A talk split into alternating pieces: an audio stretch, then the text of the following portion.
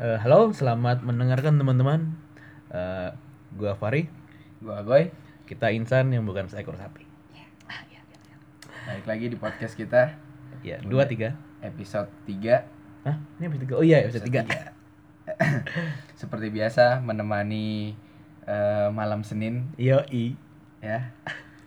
Eh, di sini kita kedatangan tamu nih ya. Bintang Eh, tamu, gestar, gestar. gestar. Oke, kita mulai banyak-banyak gestar nih habis ini ya. Bisa. Ya, silahkan memperkenalkan diri. Halo, nama saya Vio. Eh, ya, itu aja sih. Gitu aja. Pale, apa sih nih? Pale, kenapa sih kita menghadirkan gestar nih? Apa sih yang mau kita bahas, Pale? Eh, jadi begini, Goy. Pembahasan hari ini kan eh di episode ini kan ini tentang habis ini mau ngapain sih sebenarnya? Iya, selesai, Seles- lalu selesai apa sih? Mm. Lalu ngapain sih? Ah, iya.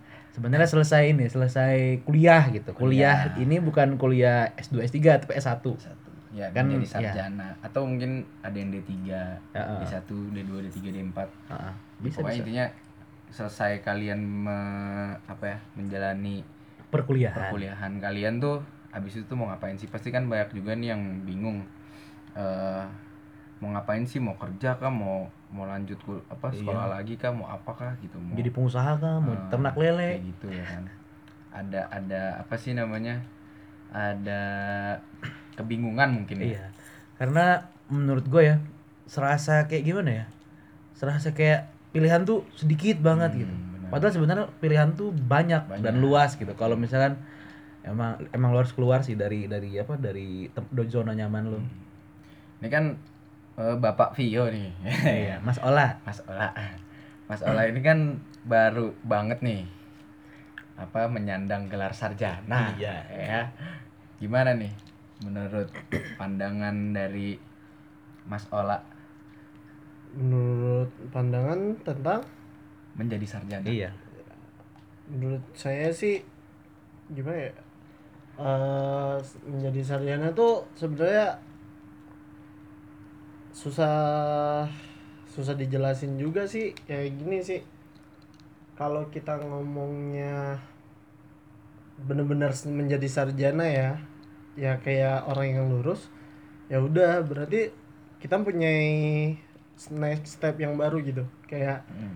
kita punya gelar itu bukan hanya sebenarnya bukan dua huruf di belakang tetapi kita mempunyai kayak diakui sebuah negara dan ibaratnya kayak institusi ya udah lu udah siap buat dinyatain sebagai orang yang mempunyai kompetensi buat itu kan? Hmm, benar.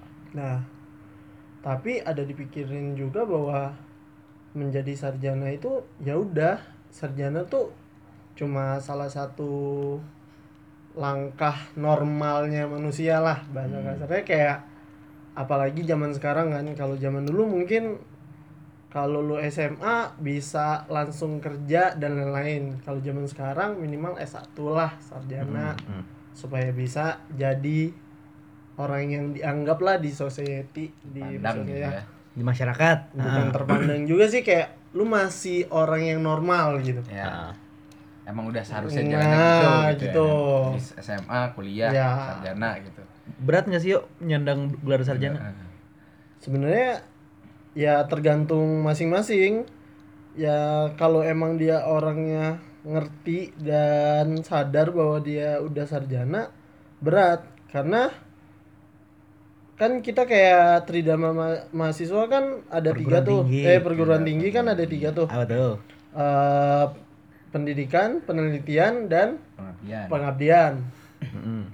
Berarti kalau dia udah sarjana dia udah bisa ngerti itu dong dan dia harus mengamali semuanya Mm-mm. dan belum lagi janji-janji dia selama dia pas wisuda tadi ya Hmm. janji Sum- Kalau wisudawan misalkan ya. ada yang sumpah juga kan, Ya, sumpah jabatan berat. misalkan, Ya. kayak dokter gitu kan. nah berat kedua mungkin kita mikir yang zaman sekarang lah kayak lu kalau lu sarjana nggak usah dari lu sendiri deh. Mungkin kayak orang tua pun mikir kalau kita dapat kerja yang mulai ngasal pun kayak mulai dari awal banget orang tua pun mikir lu tuh S1 loh.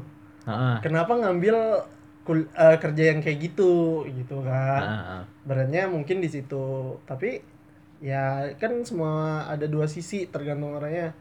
Kalau dibilang mudah juga ya mudah maksudnya ya udah kita udah lulus dari kuliah tinggal ngambil langkah selanjutnya milih kan gitu sih tergantung orang sih yang memaknai ya kayak Benar-benar. semua orang punya makna sendiri kayak kayak kuliah juga ada orang makna ya kuliah ya cuma di kelas kan Iya. Terus ada bedanya nggak sih lu yang sekarang sama lu yang dulu waktu pas masih belum sarjana? ya mungkin kalau itu kita ambil jangka waktunya itu dari pendidikan terakhir ya Hmm. kalau misalkan kita ngomongnya dua sebulan atau setahun mungkin susah lah ngeliat perubahan kan nah kita ngambil dari step sebelumnya lah karena ini sarjana berarti habis sebelum ini kan SMA. Hmm.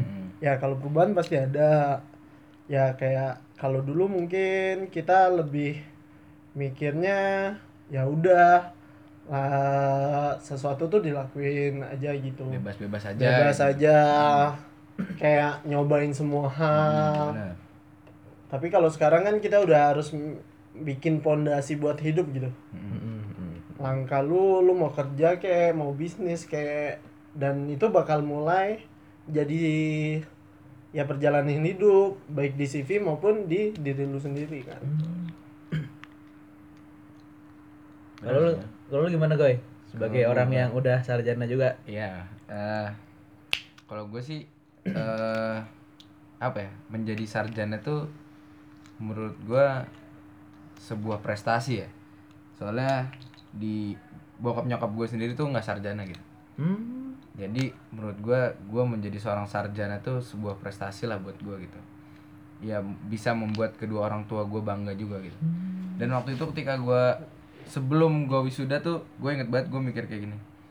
Hari ini gue masih status gue masih mahasiswa nih. Hmm. Besok ketika gue udah di wisuda, status gue udah sarjana. Hmm. Gue kembali lagi dari nol. Gue gue apa ya? Ibaratnya gue dilepas nih ke masyarakat luas gitu Hmm. untuk eh, apa ya mungkin eh, berkontribusi kah atau apa ya mungkin kalau kontribusi terlalu besar kali ya berdampak ke masyarakat gitu mungkin ya gue mikirnya tuh apa nih yang akan gue lakuin besok gitu Hmm.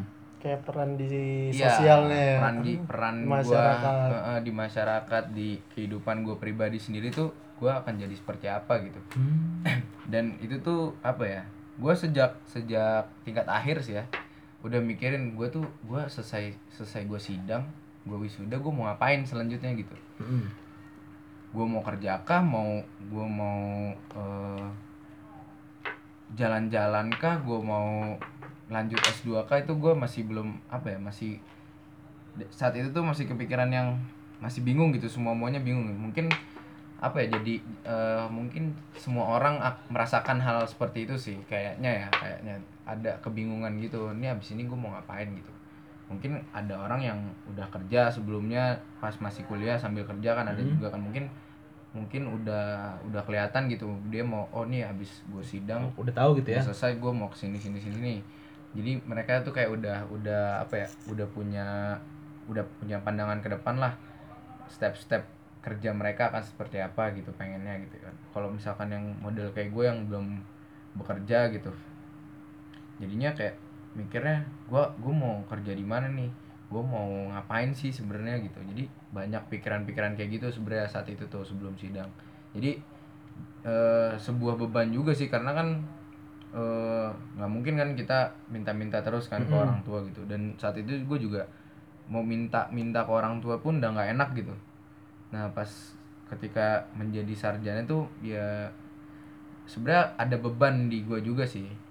Dan waktu saat itu juga gue kan eh wisudanya kan telat jadi gue ngambil periode selanjutnya gitu jadi Hmm. selama sebelum gue wisuda tuh ada range waktu eh, gue nganggur yang cukup lama sih jadinya ya gue sempat eh, refreshing jalan-jalan gitu ya kan buat Ah. ya meredakan ketegangan gitu ya karena habis gue sidang gitu kan Hmm. jalan-jalan nah terus ya habis gue jalan-jalan itu yang kayak gue bingung ya kan ini gue mau ngapain sih gitu nah terus sambil menunggu wisuda tuh ngapain sih apakah mau nganggur kah mungkin Hmm. ada juga kan orang yang yang mikir ah gue belum wisuda ini tar aja lah wisuda Santai dulu gitu ya. santai dulu lah Ah, gitu ah, ya ah. nah gue juga berpikiran saat itu tuh kayak gitu tapi gue udah mulai coba-coba cari kerja lamar kerja gitu udah udah mulai bikin CV Hmm. gitu sih ya gitu sih eh gimana ya ya gitu penga- pengalamannya sih Hmm. Terus eh yuk lu ada rencana gak sih habis habis habis jadi sarjana nih mau ngapain gitu? sebenarnya kalau rencana sih banyak tapi kayak ya gue jelasin aja sih kayak aku kan ngejelasin habis dia wisuda dan lain-lain habis Hmm. sidang gue pun ngerasain kayak si Agoy sih dan yang gue tanggap sih sebenarnya ada kesalahan di kita maksudnya kesalahan di kita tuh sebenarnya lu mempersiapkan ke depannya itu bukan pas kita mau si mau sidang maupun mau lulus. Hmm. maksudnya kenapa? Kayak menurut gua lu tingkat dua atau ting tingkat tiga lah. Hmm. tingkat tiga tuh lu udah harus tahu lu mau ngapain. harusnya. Hmm. jadi soalnya kayak gini kalau kita di ujung kita udah nggak tahu harus mau langkain gitu. Apa yang lu persiapin? Oh, iya, contoh iya, iya. misalkan kayak lu mau bisnis lah kalau lu tingkat tiga mau bisnis lu masih bisa spare waktu 2 tahun buat nyiapin modal. Hmm, benar.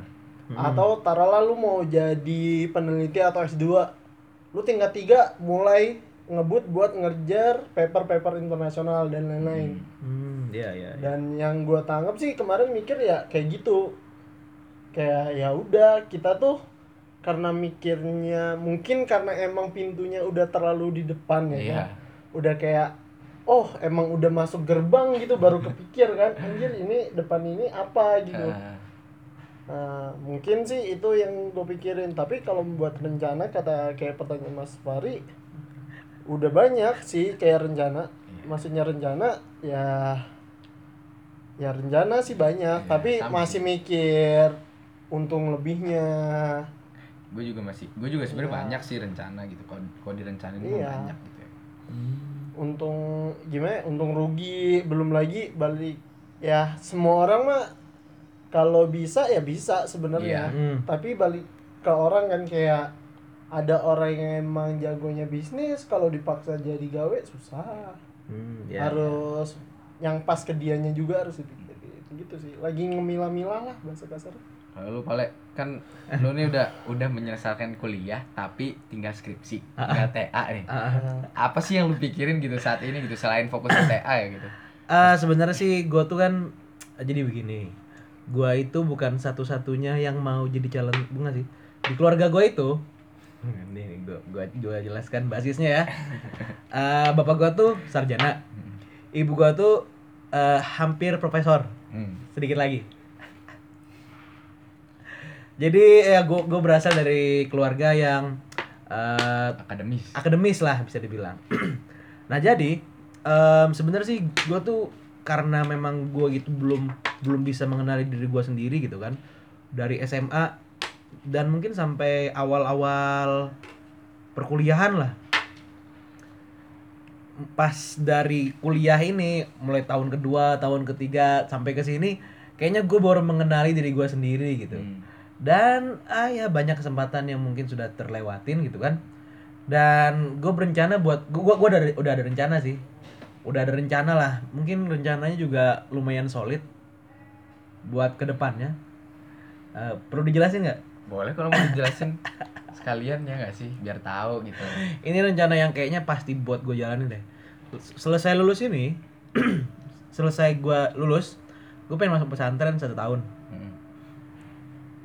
pesantren satu tahun buat menguatkan eh, keimanan gua gitu. keimanan dan ya mem- memperdalam agama lah karena kan eh, hidup itu kan hanyalah titipan Hmm.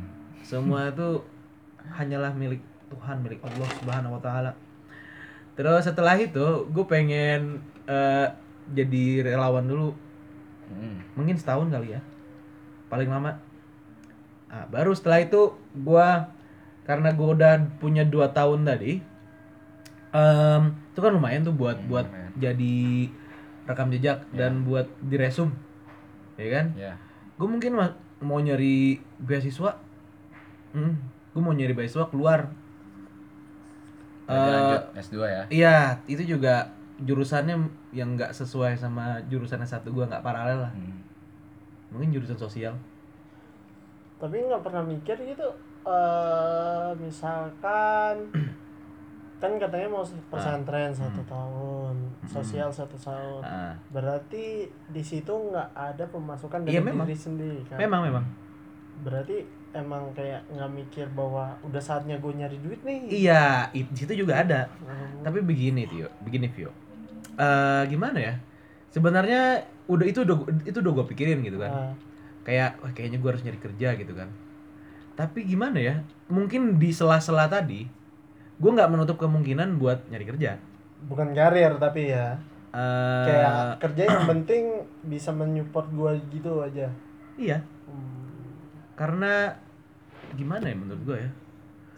Sebenarnya sih di, di sela-sela gue di pesantren tadi, gua, karena kan gue nyari di Bandung nih, gue pengen sekalian ini apa? em, nyari kompetensi gitu sih, sertifikasi, Hmm. Hmm, ya. sertifikasi kompetensi, karena kan ya kemungkinan eh tesnya di Jakarta, jadi jauh apa kurang kurang lebih dekat aja lah gitu sama Bandung, itu yo Ya sih. Menarik sih ya. Iya dengan kompetensi tadi kan terus dengan bekal agama tadi ya insya Allah Memperbaik track record. nah Iya. Iya benar bisa.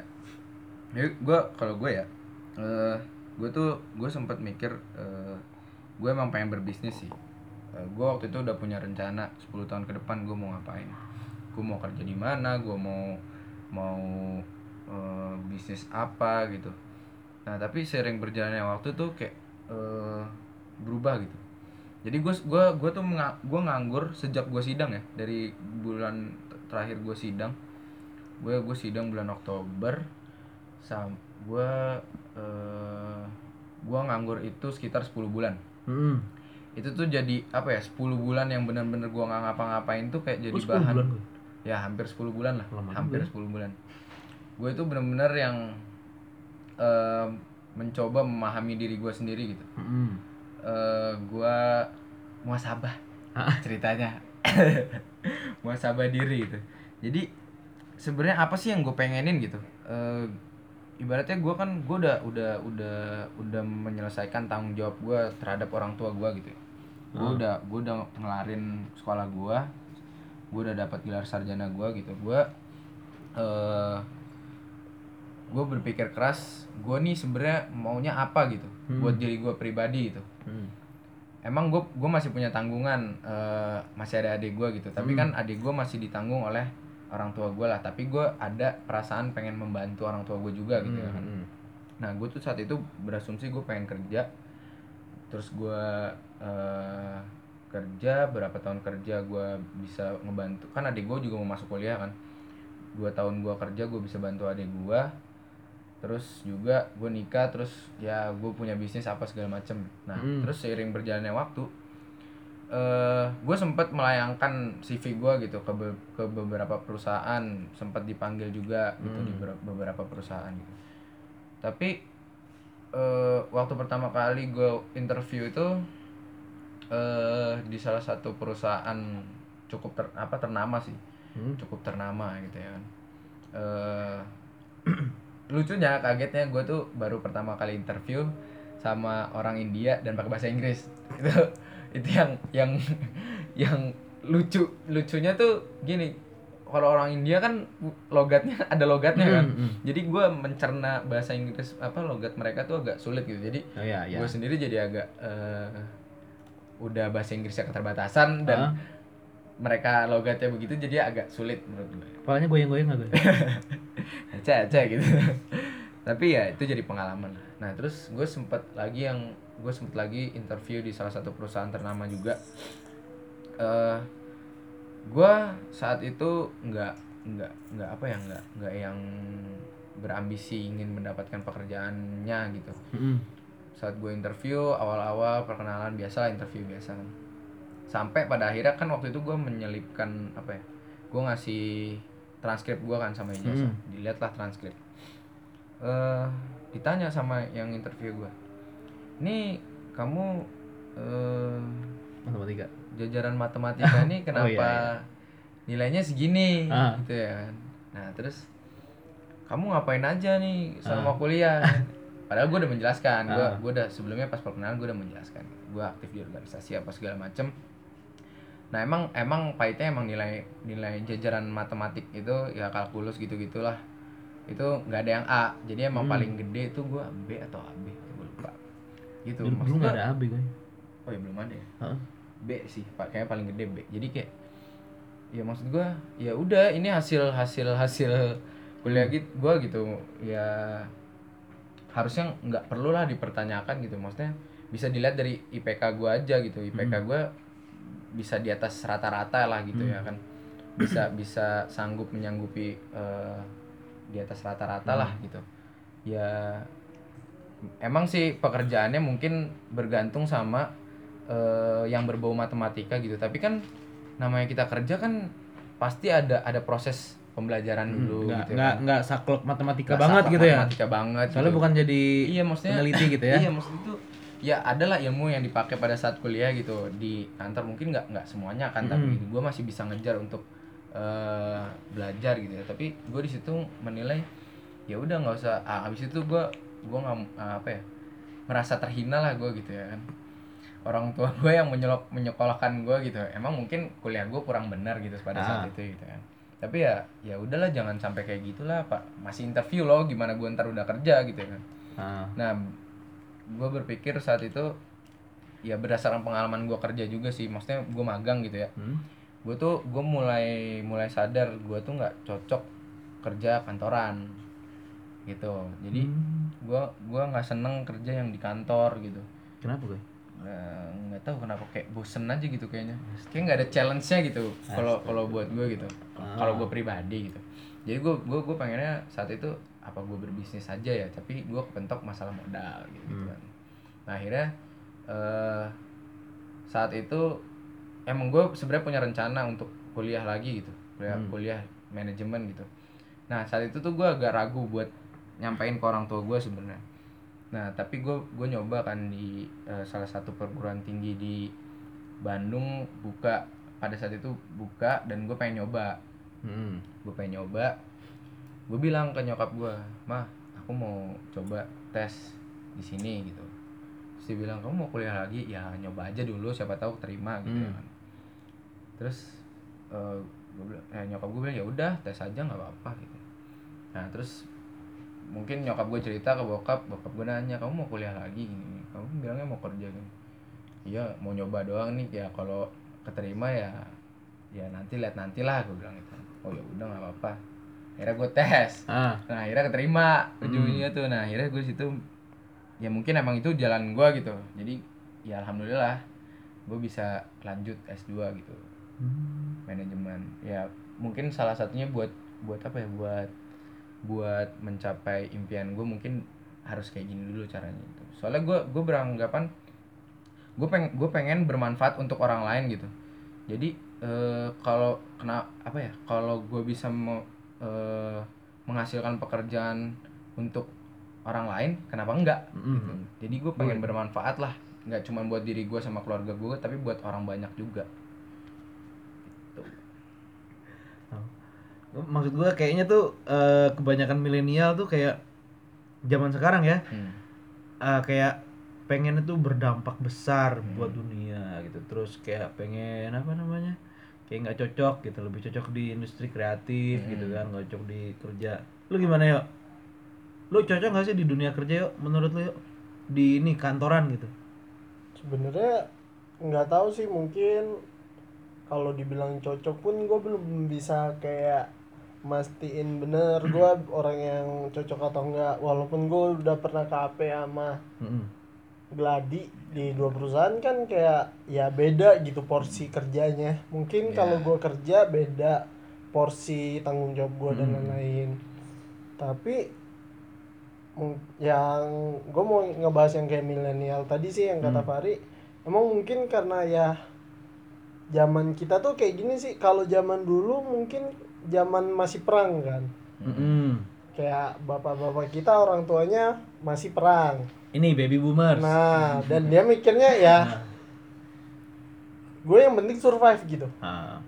sedangkan di zaman kita kita masih kecil aja di dibilang ada namanya orang-orang besar kayak Henry Ford dan lain-lain Hmm. dan kita pun dengan sosial media ngelihat bahwa ya semuanya itu sebenarnya banyak option gitu. Maksudnya option ya kita bisa jadi siapa pun kalau kita niat. Maksudnya itu emang niatnya itu niat dan apa yang harus lu lakuin gitu. Maksudnya apa yang harus lakuin semua orang bisa tapi dia punya kapabilitas dan emang lu harus ngeluarin effort yang pas gitu. Hmm. Ya ya. ya ibaratnya kayak gue nggak percaya sih sebenarnya kayak lu bisa jadi siapa pun kalau Ah. sekarang di Google semua udah ada. Tapi nggak nggak kayak gitu sebenarnya. Hmm. emang bisa jadi siapa pun tapi emang ada yang harus lu lalui dulu. Nah kalau gue sih kalau masalah kantor dan lain-lain sebenarnya ya sama sih. Mungkin karena kebiasaan di organisasi. Kalau bukannya nyombongin organisasi atau gimana sih tapi kayak ketika lu organisasi kan lu ngerasa bahwa lu mencoba memecahkan atau mencari solusi lah untuk banyak orang gitu. Hmm. lu ngerasa bahwa otak lu lu biasain supaya lu harus mentingin banyak orang lu harus bisa ngelihat celah dari sesuatu lu harus bisa lebih efektif dalam ngelakuin sesuatu hasilnya harus lebih dampaknya lebih besar dengan dan lain-lain mungkin kalau dibilang kayak gitu bisa gue dibilang bukan orang kantoran Ya. karena kalau kantoran kan ya pertama kita harus punya job desk masing-masing Hmm. kreativitas lu sedikit Ya mungkin dibatasin gitu ya. batasin dan cara penyelesaian lu belum tentu bisa diambil sama apa bukan diambil sih kayak disetujui sama bos gitu Hmm. dan mungkin ya udah itu yang emang udah tracknya ya cara penyelesaiannya kayak gitu contoh misalnya kayak lu bikin laporan ya udah kayak gitu gitu Iya.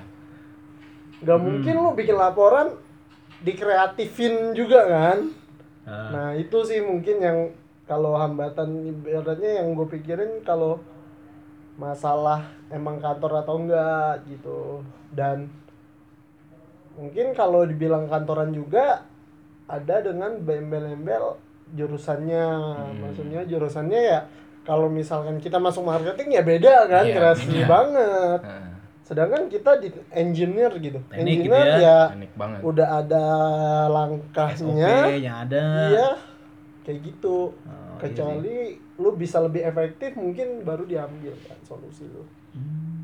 Tapi ngoding kreatif kok. Iya kalau ngoding itu salah satu engineer ibaratnya ya sekarang gini kalau misalkan kreatif itu kan Ah. kayak dibilang kreatif bisa dengan cara lu mel- melakukan banyak hal untuk mendapat sesuatu yang baru Hmm. sekarang kalau ngoding semua udah ada bahasanya kan Iya memang udah ada bahasanya. Nah, cara ngelakuinnya sama kan diketik dan lain-lain. Iya, Lu nggak ketemu orang baru buat ngoding kan?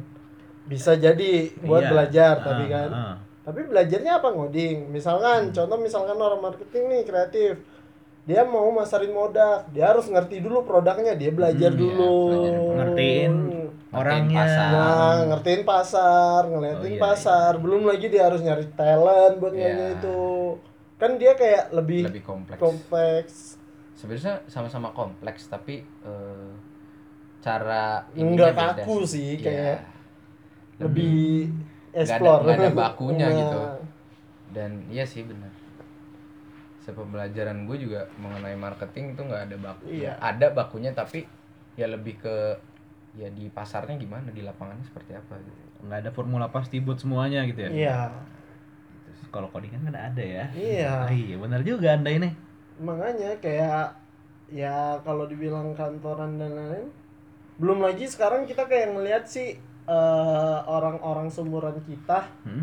dengan melakukan sesuatu yang menurut kita ah mudah lah Mm-mm. Hmm. contoh youtuber Iya, Kalau- iya kayak kerja pekerjaan tuh banyak pekerjaan yang asimetris gitu. iya iya kayak eh, lu se kayak zaman dulu lah Heeh. zaman dulu lu kalau orang banyak gaya yang dibilang orang tua lu apa banyak gaya lu Nah, sesuatu yang negatif kan. Ya kan, ya kan sekarang udah berubah. Iya. influencer Eranya sekarang udah banyak berubah. Sekarang kalau lu punya gaya sendiri, hmm. dibilang apa? trendsetter Nah, ya kan? Iya. Iya sih, benar. Zamannya udah berubah soalnya. Yang pasti itu cuma perubahan. lu, lu- jadi lu lu nggak kepikiran gitu ya mau jadi youtuber atau influencer gitu gue bukan orang yang bisa menjual persona gua soalnya. hmm. Kan kayak influencer dan lain-lain itu bisa jadi itu dia menjadi kayak gitu karena dia menjual dirinya. Maksudnya menjual dirinya ya personanya. Lu harus ngiket ngikutin ideologi gua karena menurut gua kayak gini dan orang bakal itu. Dan itu bisa dipelajari. Iya. Saat ini tuh bisa dipelajari. Tapi kalau gua orangnya yang lebih gua harus nanya orang dulu, lu maunya apa? Gua bakal nyari jalan efektifnya kayak gitu.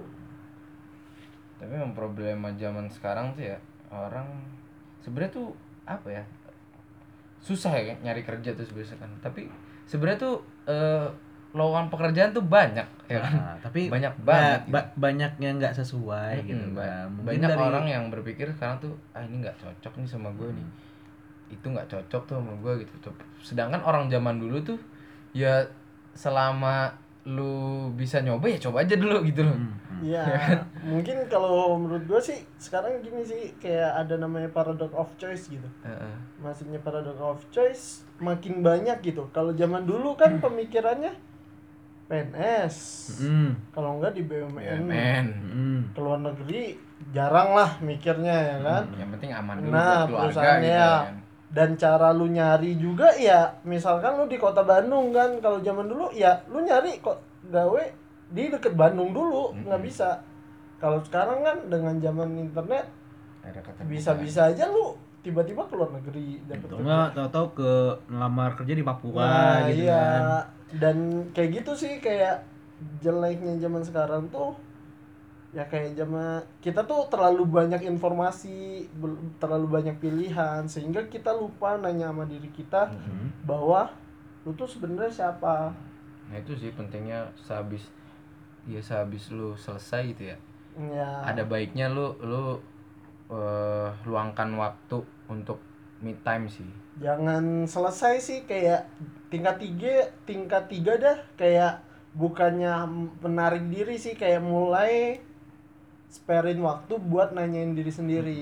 Bener-bener yang cocok. zaman sekarang tuh banyak orang yang eh terpengaruh sama orang lain gitu. Karena bakunya seperti itu jadi ketika lulus ya lu harus cari kerja lu eh, kerja di kantoran gitu misalkan BUMN atau PNS atau apalah gitu dan banyak orang-orang tuh yang impiannya tuh nggak tercapai gara-gara itu gitu. Maksudnya dia terpengaruh juga karena orang lain gitu pemikirannya itu sih yang yang banyak terjadi di kalangan kita saat ini ya. Jadi ketika lu lu mungkin lu nggak mau kerja kantoran gitu mungkin lu pengennya di industri kreatif atau lu pengen berbisnis atau lu pengen ya apalah gitu. Sekarang tuh semua tuh bisa gitu. Nggak nggak nggak nggak harus eh apa ya? Orang manajemen baru bisa bikin bisnis. Ah, ah, gitu. Sekarang tuh mungkin gitu. Semuanya tuh mungkin asal lu lu mau ngerjainnya aja gitu asal lu nggak setengah-setengah eksekusinya mau, gitu. mau ini mau capek lah ya. Mm-mm, mau capek. Mau lu mau bisnis. prosesnya lah. Lu mau bisnis nggak punya modal ya lu bisa cari gitu. Lu bisa bisnis kecil-kecilan dulu atau lu bisa minta modal pinjem modal ke orang tua gitu kalau misalnya orang tuanya ada yang mampu gitu. Dan menurut gue sekarang udah bukan bukan apa ya bukan jadi alasan sih keterbatasan itu gitu. Karena gue juga udah merasakan sendiri gitu gue bisa bikin bisnis yang modalnya eh, kecil gitu ya kan. Ya mungkin emang tenaga yang gue keluarin agak sedikit gede gitu. Tapi ya itu tuh itu tuh bisa gitu bukannya nggak bisa gitu. Dan sekarang tuh apa ya eh banyak sih yang bisa dijadiin dijadiin apa ya contoh lah gitu ibaratnya. Buat mungkin lu mau bikin bisnis atau mungkin lu mau jadi influencer lu mau lu mau jadi youtuber lu mau jadi selebgram itu tuh ya emang penghasilan sebenarnya kalau kalau bisa dibilang tuh benar-benar besar gitu loh. Tapi ini Kalau sih fokus. menurut, menurut gua gini goy. Kan sekarang zaman serba cepat kan? Hmm. makanan cepat cepat Ah. saji ya kan? Eh, terus ke mana-mana mungkin orang jadi orang tuh nggak terbiasa sama proses. Ya kayak misalkan orang ngelihat influencer ngelihat duitnya gede gitu kan. Uh duitnya gede terus wah terkenal. Wah dikata banyak orang hidupnya enak rumahnya bagus. Ya semua butuh tapi proses. iya tapi orang nggak tahu dia, dia dulunya kayak gimana apa yang dia korbanin buat sampai ke sana gitu kan. Ya semua emang butuh pengorbanan sih. Kerja di kantoran juga pasti ada pengorbanan gitu ya kan. Hmm. lu kerja 9 to 5 atau mungkin lebih gitu ya kan. Lu sehari-hari di jalan gitu. Ya suara Ya kan? suara lu dikekang. Ah, gitu. kecuali lu itu terlahir di keluarga yang kaya dan nah itu juga gue mikir ketika lu kaya sebenarnya tekanan lu lebih besar ya juga sih bisa juga Enggak, Maksud maksud gua maksud gua eh, sebenarnya tuh kayak lu bisa lu bisa kata kalimat-kalimat lu bisa jadi siapa pun yang lu mau. Sebenarnya tuh nggak nggak berlaku ke semua orang kalau misalkan sistemnya masih nggak memungkinkan lu untuk kayak gitu gitu. Kita kita itu ber- eh, nggak semua orang berawal dari tempat yang sama gitu. Jadi mungkin ada ada orang-orang yang bilang "Eh, kamu harus misalnya ada ada orang yang udah jadi CEO gitu misalkan kan dia bilang wah ken- pas ditanya kenapa bisa, bisa sampai kayak gini pak? Karena saya berusaha dengan eh, keras gitu. Ternyata bapaknya yang punya perusahaan. Trump. Iya kan? Itu sama aja gitu omongannya itu bullshit. Iya sih. Tapi gini sih ketika lu mungkin mungkin ya orang tua lu udah udah punya perusahaan gitu ya dan lu akan menjadi suksesor dia gitu. Eh lu juga kan ada butuh proses belajar ya kan? Hmm. itu juga ada beban tanggung jawab sih di lu nya sendiri gitu. Karena nggak nggak mudah menjalankan perusahaan ya apalagi perusahaannya udah udah gede banget gitu ya. Itu tuh susah banget menurut gue tetap aja lu harus harus belajar juga gitu. Gimana sih cara cara perusahaan lu berjalan gitu? Orang-orang yang di dalamnya itu seperti apa gitu? Lu mau strategi lu yang mau lu terapkan di perusahaan lu tuh seperti apa gitu untuk memajukan perusahaan lu juga. Karena strategi itu nggak nggak nggak mudah sih menurut gue ya. Ada mungkin lu bisa ngopi gitu dari dari perusahaan sebelah gitu. Oh strategi dia bagus nih kayak gini kayak gini nih karyawannya sejahtera. Terus eh, penghasilan di perusahaannya juga bagus gitu ya. Tapi belum tentu cocok untuk di perusahaan lo gitu. Ya, maksud gua tuh gini loh, guys. Mungkin ada ada orang di luar sana gitu kan yang lebih mampu jadi CEO itu daripada orang tadi gitu iya misalnya. makanya Tapi ya karena dia terlahir demikian. iya silver spoon Heeh. Ada Dia memang jadi ada beberapa apa orang ya? yang terlahir dengan privilege-privilege Iya. khusus gitu. mungkin jadinya karena ada beban untuk melanjutkan perusahaannya jadi merasa terkekang juga kan bisa juga ya kan Bisa juga. gue pernah ya gue pernah dengar interview masalah ini sih kayak pernah dibahas di interviewnya si siapa sih jubirnya Jokowi Maruf sekarang yang Banyak. punya Inter Milan Oh ini lupa gua namanya. Itu ketua-ketua ini bukan jubir, ketua ini. nah ketua itu yang Ketua kampanyenya BPN. nah itu kan dia itu Erick Thohir, Erick nah Thohir. Erick Thohir Iya. Erick Thohir tuh pernah ngomong kayak saya ini generasi kedua dari kerajaan bisnis keluarga saya Hmm. jadi dia bisnis. Jadi dia ngomong bahwa sebenarnya ada beban lebih besar kepada anak yang anak dia. iya, karena gini ketika anak yang dia generasi pertama dia itu merintis Hmm. dia ngelihat gimana bapaknya apa yang dilakukan bapaknya itu supaya bisa jadi sebesar ini dan melanjutkan. Hmm. sedangkan kalau misalnya kita ngomong yang kayak privilege banget Hmm. ya kayak silver spoon ya dia nggak tahu gitu nggak tahu. Minimal nggak usah masalah ilmu eksak lah itu bisa dipelajarin kan. Tapi cara dia mimpin orang cara dia ngambil keputusan di dalam tekanan cara dia ngatur uang pribadi. Kan ketika dia megang perusahaan berarti uang dia kecampur dengan perusahaan lagi. Iya. Hmm. Nah di situ beratnya kayak sebenarnya ya gue bukan orang yang agamais sih tapi kayak emang semua orang tuh tantangannya itu emang ya udah paling baik buat dia. Iya. Hmm. kayak kalau lu kurang dalam harta lu jangan takut. Emang tantangan lu ya kondisi lu sekarang itu yang terbaik buat lu bisa pengen jadi sesuatu ya udah.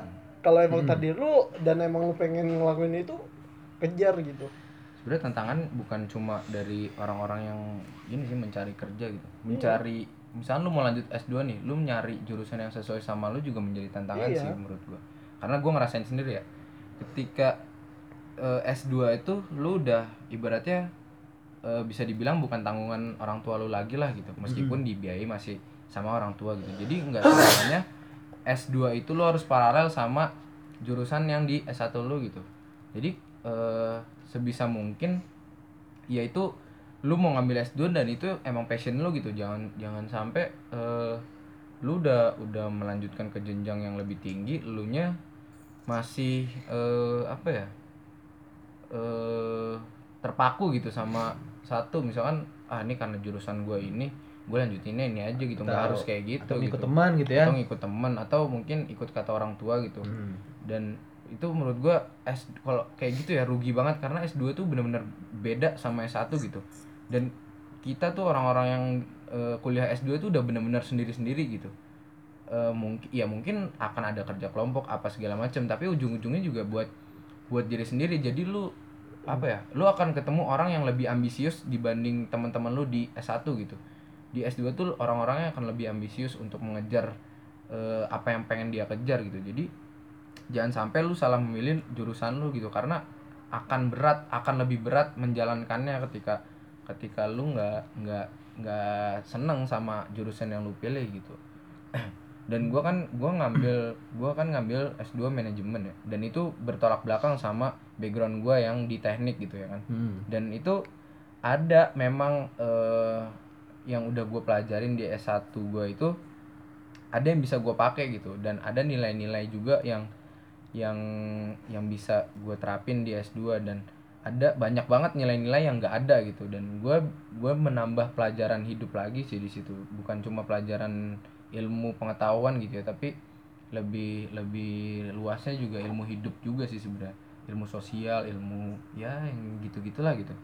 Dan itu eh, apa ya jadi jadi jadi pembelajaran sih di hidup gue gitu. Kalau misalkan ya S2 juga nggak segampang apa yang lu pikirin gitu ternyata. Walaupun sebentar ya. Walaupun sebentar. Kalau bahasa kasarnya gini sih mungkin. Kalau lu mikir S2 buat cara cara lari lu untuk bukan jadi pilihan lu Iya. jangan deh. Jangan. Kayak kalau cuma jangan pelarian doang pelarian gitu. doang jangan. Ngisi waktu luang karena lu nggak dapet kerja gitu jangan sih. Saran gue sih jangan karena emang bener-bener beda dan berat gitu. Ibaratnya hampir sama lah ketika lu kuliah S1 satu tahun sama S2 yang dua tahun atau satu setengah tahun gitu. Hampir sama sih bebannya. Ya tapi maksud gua nggak nggak semua jurusan juga kan nggak ya. paralel gitu. Misalnya dari Hmm. kedokteran terus mau masuk teknik S2 nya kan nggak bisa juga. Iya, tapi temen gue ada eh dia dokter gigi. Hmm. dia ngambil S2 manajemen gitu dan itu masih bisa. Ya maksud gue yang yang yang memungkinkan juga untuk diambil gitu. Hmm. jangan terlalu jauh-jauh banget lah gitu. Ya kalau lu bisa ngejar mungkin ada beberapa kampus yang ada matrikulasinya kan. Hmm. jadi bisa mungkin bisa gitu dikejar. Ya cuman mungkin agak berat. Gitu, gitu sih. Emang sebenarnya gimana ya? Ya bebannya tuh lebih lebih berat sih sebenarnya ketika gue juga baru ngerasain ketika gue mulai kuliah S2 gitu dan itu tuh benar-benar kaget yang kaget sekaget kagetnya gitu. Oh gini ternyata kuliah S2 ya. Berat banget gitu. Nggak seperti yang gue bayangkan gitu sih Lo ada kepikiran buat S2 nggak, yuk? sebenarnya ada tapi di keluarga gua ada nggak tahu sih kayak eh, orang tua pernah ngomong kalau emang S2 kalian harus yang usaha Hmm. maksudnya keluarga gua ya orang tua gua tuh lulusan SMA gitu Hmm. orang dari sisi bapak dia nggak ada uang buat lanjutin S1 Hmm.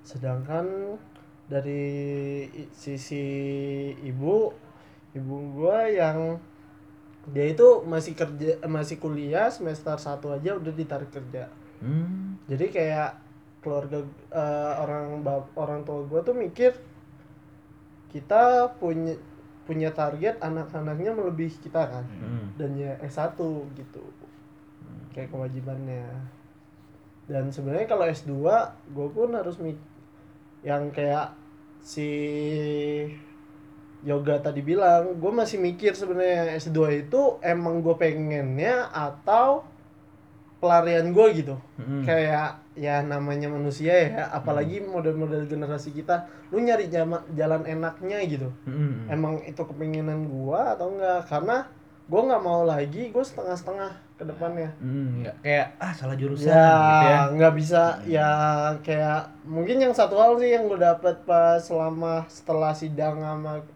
sampai ke wisuda kemarin yaitu gue ber gue sekarang pengen nekanin diri gue ya udah semuanya itu bahasa kasarnya gue ngelakuin kejelekan maupun kebaikan Hmm. Gue yang harus ngambil itunya. Maksudnya gue nggak bakal nyalahin orang lain. Oh iya. gue bakal nerima apa pun yang hasilnya ya itu tanggung jawab gue sendiri dan gue yang dapat. Gue nggak mau nyalahin orang tua gue gue orang tua gue lah yang nyuruh kayak gini nggak. Gue nggak mau lagi.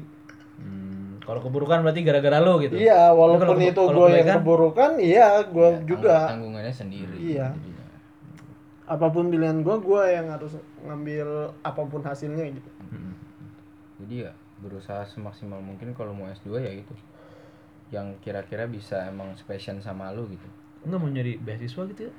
Kalau beasiswa sih kemarin ada sampai udah ditawarin karena dari gue kan aslinya Bangka dan ada temen itu emang kayak gila salah satu ambasadornya LPDP lah dia nawarin gini-gini bisa kok dengan misal gue kan orang telat nih lulusnya lima tahun Hmm. bisa kok katanya gini-gini tapi ya itu gue masih harus eh, harus menekanin diri gue sendiri dan gue pun ada pemikiran bahwa gue harus nyoba dulu gitu dari bawah Enggak maksud gua kalau misalkan lu pengen gitu kan dapetin dulu LOE-nya.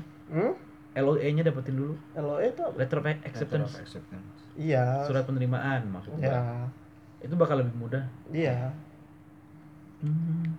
Seben sebenarnya gini sih yang harus disadarin sama orang sekarang tuh makin lu tua makin sempit saringan. Maksudnya sempit saringan gini sih. Kayak lu ketika lu kecil nih ya Hmm. eh lu bulan ini ngomong gue mau jadi dokter. Hmm. fine gitu. Minggu depannya lu ngomong gue mau jadi tentara. Fine SMA lu kayak gitu kan Jadi pilot Ah, gitu gue mau ya. masuk UI aja deh Ah. gini gini gini Oh, bukan Gua- bukan saringan yo. nah Jadi kayak makin sedikit yang ada di piring lu gitu. iya kayak ya gimana ya lu nggak boleh ngasal ngomong lagi gitu Hmm. kayak lu tuh bukan orang yang harus ngambang pertama Hmm. maksudnya kayak kalau zaman dulu lu masih banyak ngambang itu ya orang pun se- enak dengernya wah Hmm. kamu imajinasinya gede Ah, zaman sekarang kamu banyak ngambang Hah? yang ada dicerocosin ya kan Iya sih benar. udah udah harus tahu gitu mau pengen jadi apa gitu ya. iya walaupun setidaknya lu ngelakuin sesuatu gitu maksudnya ngelakuin ya kita nggak tahu gitu kan misalkan kayak taruh aja dia ngerasa oh ini jalannya tapi karena sesuatu hal dia jalannya dipindahin nama dia dulu tapi masih bisa nge-save dia dulu gitu buat ditanyain sosial Hmm. belum lagi dengan target-target hidup lu nikah kayak apa Kalau ya mungkin ada ya orang tua yang pengennya anaknya kayak gini kayak gini Iya. kayak gini gitu ya. Dan gue beruntungnya sih gue terakhir dari orang tua yang ya terserah kamu mau jadi apa gitu asal kamu konsekuen gitu. Nggak harus gue kerja kantoran gitu nggak. Pokoknya yang nggak harus lah gitu. Maksudnya rezeki juga udah ada yang ngatur gitu. Jadi Hmm. eh, ketika gua mau S2 lagi kan gua ngambilnya bisnis man- manajemen bisnis gitu kan. Jadi emang gue sebenarnya pengen emang sih buat pebisnis ya eh, ijazah tuh kayaknya nggak penting gitu ya. Yang penting mulai dulu yang gitu penting ya. mulai dulu gitu. Karena kan nggak namanya bisnis kan nggak butuh lu pendidikan tinggi juga kan yang penting asal lu bisa ngejalaninnya dan lu bisa sukses di bisnis lu juga orang nggak akan mempertanyakan lu sekolah di mana IPK lu berapa gitu ya kan. Nah sebenarnya yang gua kenapa gua ngambil S2 sih karena eh mungkin suatu saat gua nggak cuma di bisnis gua doang gitu. Hmm. mungkin gue bisa jadi konsultan mungkin gue bisa jadi dosen juga gitu. Jadi eh, eh, ijazah gue nanti akan kepake juga kok gitu gue mikirnya. Dan eh, ya emang benar sih orang bilang pebisnis tuh nggak butuh nggak butuh ini sih nggak butuh apa ya ada mungkin ada orang yang terlahir emang jiwanya pebisnis gitu tapi kan ada juga orang yang nggak terlahir dari jiwa pebisnis gitu dan atau enggak terpaksa jadi Ah, ah, gitu. dan ya sebenarnya emang semua tuh bisa dipelajari gitu. Dan nggak nggak apa ya nggak bener-bener namanya kalau bisnis nggak bener-bener nggak terpaku sih gimana lu bisa marketingnya bagus bisa inovatif ya kan kreatif gitu di di bisnis lu sendiri gitu. Dan sekarang peluang bisnis tuh bener-bener gede gitu. Kalau lu bisa nyari celahnya gitu. Jadi jangan jangan terpaku ketika lu mau bisnis lu harus kuliah tinggi atau ah pendidikan gua kan ini nih mas nggak nyambung kalau gua ke ke bisnis gitu. Nggak juga gitu. Soalnya ya itu nggak apa ya bisa dibilang pebisnis itu nggak berdasarkan sama sekolah lu juga gitu. Mungkin kalau real life situasinya gini sih kayak misalkan pebisnis pertama dia jualnya buah-buahan ya kan? Terus dia jual kopi. Orang nggak bakal nyalahin dia Iya. paling ngomongnya serakah ya kan? Tapi misalkan lu kerja nih taruhlah pertama lu jadi dok eh, jadi engineer IT support di Telkom. Tiba-tiba lu masuk akuntansi nggak mungkin itu kan? Hmm. gitu. Oh, dan sekarang juga banyak sih orang-orang yang banyak banget malah orang-orang yang udah kerja justru pengen buka bisnis gitu ya kan? Nah itu dia makanya nggak nggak harus bisnis tuh nggak harus ada pendidikannya sih. Ya emang ada pendidikannya gitu tapi ya lu punya Ya, enggak, jadi pengusaha itu nggak ada sekolahnya. Ya nggak ada sekolahnya gitu karena emang gimana ya pembelajarannya justru lebih banyak di lapangan gitu. Iya. dan gue juga belajar belajar bisnis dari real case gitu. Kasus-kasus yang emang terjadi di dunia nyata gitu. Jadi nggak menghayal gitu. Ya, belajarnya kayak gitu. Jadi kita dituntut untuk bisa memecahkan masalah bisnis gitu. Misalkan marketing ada masalah nih. Ya kita cari cari solusi untuk marketingnya seperti apa gitu tapi gitu sebenarnya gue juga mikir sebenarnya kan kayak bisnis ini lebih freedom kan Mm-mm. Hmm. tapi sebenarnya enggak juga boy Hmm. maksudnya freedom kayak sebenarnya itu ya itu tergantung lu nya lagi kan lu tinggal milih pil pil mana yang mau lu Iya, hasilnya kan iya kayak gini kalau dibilang pekerja itu lebih freedom mereka lebih freedom Mm-mm. Kenapa? Walaupun mereka jam 9 sampai jam 5, tapi mereka nggak pernah mikirin masalah uang mereka misalkan Iya, kecil berapa. nah. Sebulan mereka, mereka udah tetap gitu Iya, 7 makanya juta gitu. Challenge-nya berbeda Nah. gitu ya kan. Ya mungkin ada orang yang nggak suka challenge yang terlalu tinggi gitu Iya. ya kan ya kerja kantoran gitu. Nah. Tapi Harus ada gitu ya ya, eh, Iya. ada orang yang ah gue nggak pengen nih gini-gini aja bosan Iya. gitu nggak ada tantangan dalam hidupnya jadi ya mencoba bisnis gitu. kalau mau tantangan jadi kriminal Atau kalau jadi politisi. iya. Jadi freedom politisi. tuh gimana ya? Kayak nah sama itu sih kayak kalau emang lu pengen tahu diri lu, ntar lu mikir aja kalau lu di posisi kayak gini lu siap nggak? Maksudnya Iya. belajar kayak taruhlah sekarang hidup lu dengan sebulan 2 juta lu belajar tiga lima ratus ribu sebulan gimana Mm-mm. cara lu mengatur uang Nah. bisa jadi bahan pembelajaran sebenarnya maksud ya sekarang gini apalagi misalkan lu mau jadi pebisnis kan. Pebisnis itu rezekinya nggak pasti. Maksudnya nggak pasti pasti ada turunnya. Hmm. Iya pasti. Nah lu bakal ngerasain namanya susah nah dan lain lagi belum kayak apalagi kalau ngerintis ya kan. Orang udah mikirnya wah kamu tuh cuma jualan ini ya kan.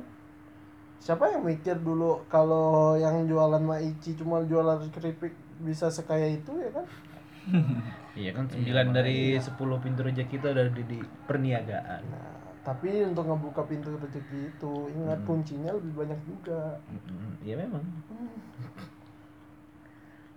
Makanya. sebenarnya sebenarnya gampang sih menjadi seorang sarjana gitu.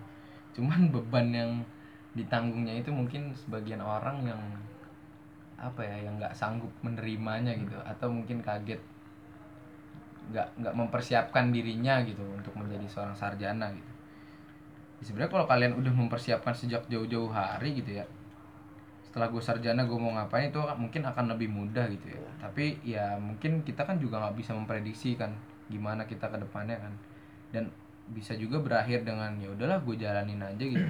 Tapi ya nggak bisa gitu juga sih karena ya tetap aja menurut gue planning itu penting sih. Jadi lu ada ada ada apa ya ada acuan lah untuk lu lu bisa berkembang gitu. Jadi hidup lu nggak nggak stagnan leyeh-leyeh gitu-gitu aja gitu ya kan. At least, at least gini sih kalau misalkan anak mahasiswa tuh coba lah ngelakuin sesuatu gitu. Ya maksudnya jangan kampus doang.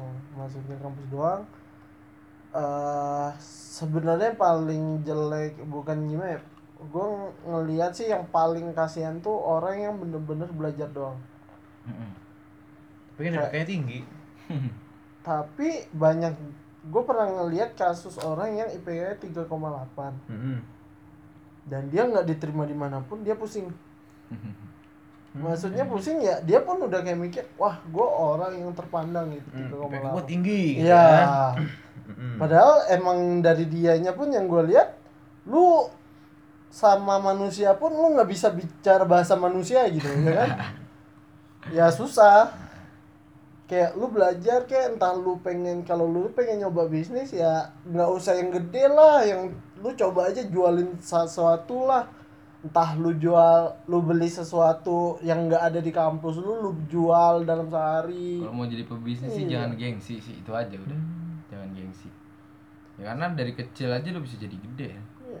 Kecuali ya yang kata Bapak Fahri tadi bilang silver spoon.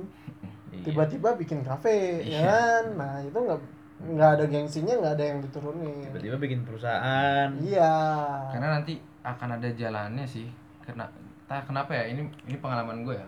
Gue emang awalnya agak agak kepikiran masalah modal kan. Dan akhirnya gue eh sempat bingung juga gue mau cari modal di mana gitu nggak mungkin gue minta ke orang tua gue gitu sedangkan gue butuh modal yang besar gitu ya.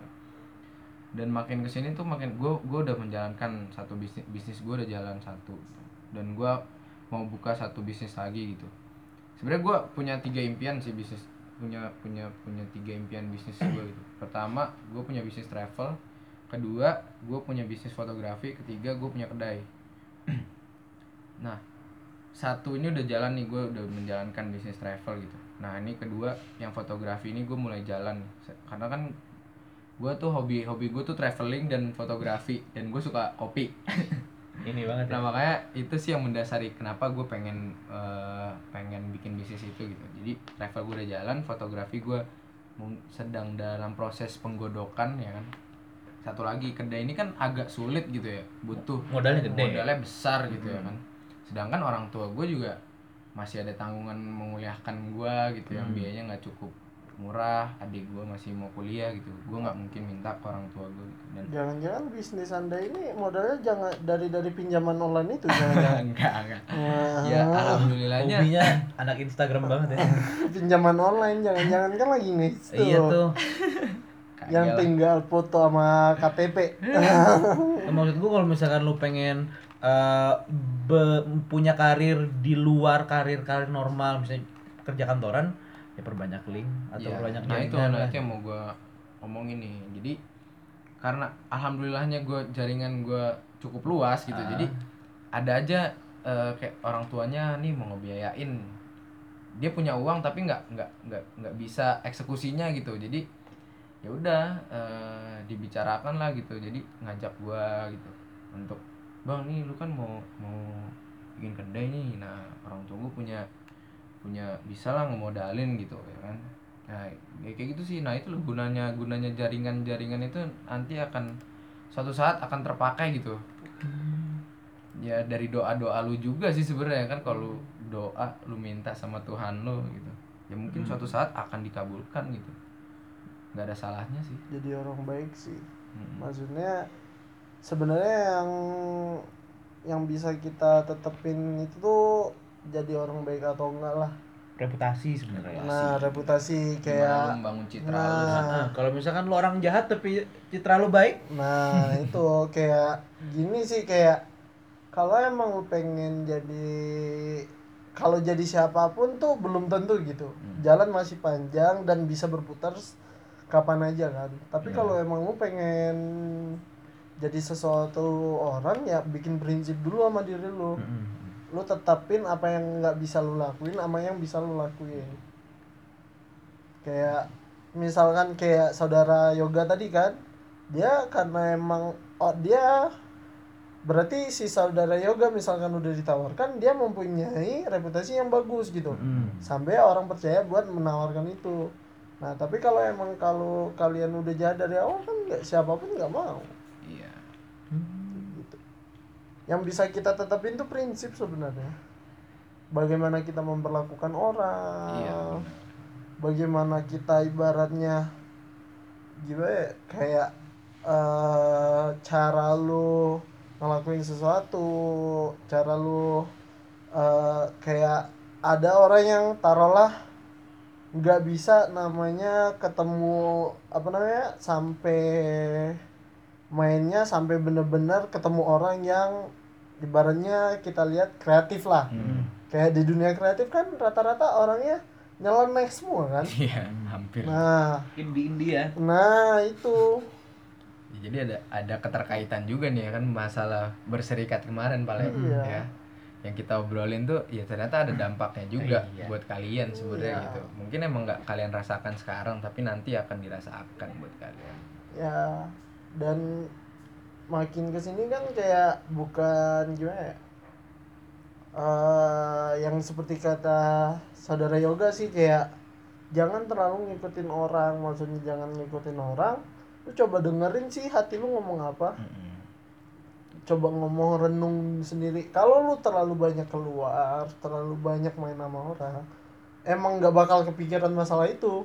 Ya karena iya lu belum tertekan gitu maksudnya belum tertekan lu belum mau sampai ke otak lu misalkan kayak gini ah gue nggak mau di rumah doang depresi bang gue nggak mau nggak bergaul ya lu pun kalau nggak berdepresi dulu lu nggak bakal tahu sesuatu yang baru daripada Iya. diri lu ya mengenal diri itu Iya. dalam artian ya lu juga bra- brainstorming gitu ke Iya. orang-orang cari saran baiknya kayak Hmm. gimana mungkin kan ada yang lebih lebih berpengalaman juga. Jadi Mungkin ada lu- yang punya pengalaman yang Ah, sesuai. ada ada bahan pertimbangan buat diri lu pribadi gitu. Jadi nggak cuman semena-mena lu pengen mengenal diri lu sendiri lu malah sendirian gitu. Iya, kayak- mengurung diri di rumah bukan gitu, maksudnya kayak gini sih kayak jangan terlalu banyak hura-hura. Have fun nggak jelas maksudnya oke Fa- boleh lu have fun gitu kayak misalkan seminggu lu have funnya seminggu sekali Mm. buat nge-relax tapi misalkan lu semalaman have fun mulu Semingguan. iya lu mikirnya nggak ada bos iya benar Tapi susah sih yo kalau misalkan. Misalkan gua ngontrak nih. nah, Kan gua sama temen-temen gua terus. ya 24/7. Nah itu sekarang gini, kalau misalkan dia temen lu, kalau lu minta waktu buat diri lu sendiri, sebenarnya dia nggak bakal marah kan? Iya. Tapi lu udah pernah belum mintainnya? Susah sih sebenarnya. Iya. Kayak misalkan nih, enak gitu. orang tuh datang terus, orang Iya. datang terus ke ke kontrakan. Terus rame lagi rame terus sepinya tuh ketika semuanya tidur. Nih sekarang misalkan lu pergi ke Hmm. kafe sendiri, Mm. itu sendiri nggak? Ya sendiri sih. Nah tapi ada lagi kan orang mikir, ah ke kafe sendiri kayak orang bego, ya, it- it- gitu. Itu itu adalah salah satu tipe orang. Hmm. Ya nanti dis- ada ada tuh disebutkan di Iya. podcast keempat. Jadi ada tiga tipe orang gitu ya. makanya kayak sebenarnya intinya nikmat ya bukan intinya sih ya cobalah belajar hidup Ah. sendiri Uh, Gimana? Ini apa belajar kenali diri sendiri. Iya, Soalnya kalau kalau bukan kita sendiri yang mengenal diri sendiri, siapa lagi? Iya. Orang lain. dan ketika lu ngambil suatu keputusan walaupun hasilnya buruk lebih puas daripada benar. hasilnya itu ditentuin orang nilai lu bagus. Gue setuju. Setuju. Gue udah merasakan. kayak misalkan kayak taruhlah eh kayak misalkan nggak usah yang berat-berat bisnis lah ya dan lain-lain lah. Cobalah lu misalkan lagi pengen makan mie goreng banget ya kan? Tapi lu dikasih nyokap lu sushi kan Hmm. nah padahal ibaratnya kalau kita ngomong nominal dan kualitas ya kan beda Enggak, lebih, Lebih- co- contoh lebih lebih pas Hmm, gini. nah? Andai kan lu naik lu naik motor nih, nah sendirian atau berdua. nah Kalau lu nyasar sendirian karena salah lu, ya udah sama lu nyasar berdua karena arahan temen lu, lebih kesel nah mana gitu kan. iya kan Ah, kayak lebih kesel, ah lu sih tadi bilangnya ke Iya. sini gitu. tapi siap ketika lu salah Ah, ah. ya konsekuensi ketika seberapa rusaknya yang lu lakuin ya tanggung jawab sendiri, Mm-mm. bijak banget ini enggak masalah. bijak sih kayak gini sih kayak gue ngerasain namanya ya kayak kemarin sih kayak banyak banyak orang tuh ngerasa apalagi zaman sekarang lah kayak lu ngelakuin kesalahan bawa-bawa seharusnya kayak gini nggak boleh kayak gitu nggak boleh. Ya udah maksud gue kayak lu harusnya itu mikirin diri sendiri dulu apa yang lu lakuin. Ketika lu ngelakuin sesuatu dampaknya besar lu harus belajar dari situ. Kalau lu nggak jujur kayak gitu lu nggak ada yang bisa dipelajari gitu. Iya. kalau misalkan lu lagi seneng ya senengin gitu. Lu bakal ngerasa senengnya tapi lu ketika lu jatuh lu jangan nyari kayak taruhlah eh nyari pelarian kayak mabok gitu-gitu. Lu nggak ngerasa namanya jatuh tuh kayak gimana? Bukan gini sih kayak ketika lu jatuh Hah? ya udah lu ngerasain jatuh supaya lu bisa belajar dari jatuh itu. Lu nggak ngerasain lagi jatuh dua kali di lubang yang sama. Jadi mumpung masih muda eh, masih banyak kesempatan Iya. sering-sering lah jatuh. Iya. iya. Mungkin segitu aja kali ya. ada Pembahasan saran? kita. ada saran nggak lu Eh, buat teman-teman Kayak tadi udah mungkin- udah gue selipin saran-saran juga guys ya. kebanyakan kayak saran kita udah bisa udah bisa diambil itu sebenarnya dari dari bahan yang tadi sih sebenarnya. Jadi ya eh, mungkin segini aja kali ya episode kali ini ya. Pembahasannya cukup berat ya karena Iya. emang ya emang berat gitu ya kan. karena Ketika- ini serius banget nih masa depan Iya, nih masa ya. depan pertaruhannya ya kan. Ya eh gue ucapin terima kasih buat saudara Vio nih yang udah meluangkan iya. waktunya ya kan. makasih Mas Ola. Gila bisa bisa ngisi podcast kita ya nggak sih? Yang baru sarjana ini. tinggi Eh, buat teman-teman juga saya ucapkan terima kasih. Eh, ya buat yang bertanya-tanya, kita tuh eh setiap hari apa sih? Eh, Mengunggahnya. meng- eh, eh, mengunggah, mengudara ya kan. iya Kita tuh setiap minggu eh minggu malam, malam Senin ya. pokoknya hari Minggu aja Nah, kita akan selalu menemani kalian di malam Senin kalian sebelum kalian memulai kembali aktivitas kalian di tuh. esok hari Ah. ya kan. betul betul Selamat eh, bermalam Senin. Yang besok kerja eh, selamat bekerja, yang besok kuliah selamat kuliah. Eh, yang besok berusaha selamat berusaha dan eh, terima kasih untuk kalian yang selalu setia mendengarkan podcast kita. Tak eh, tak lupa aku mengucapkan kepada kalian untuk memfollow akun-akun kita ya. Yang dengarkan di SoundCloud bisa eh, Komen. komen.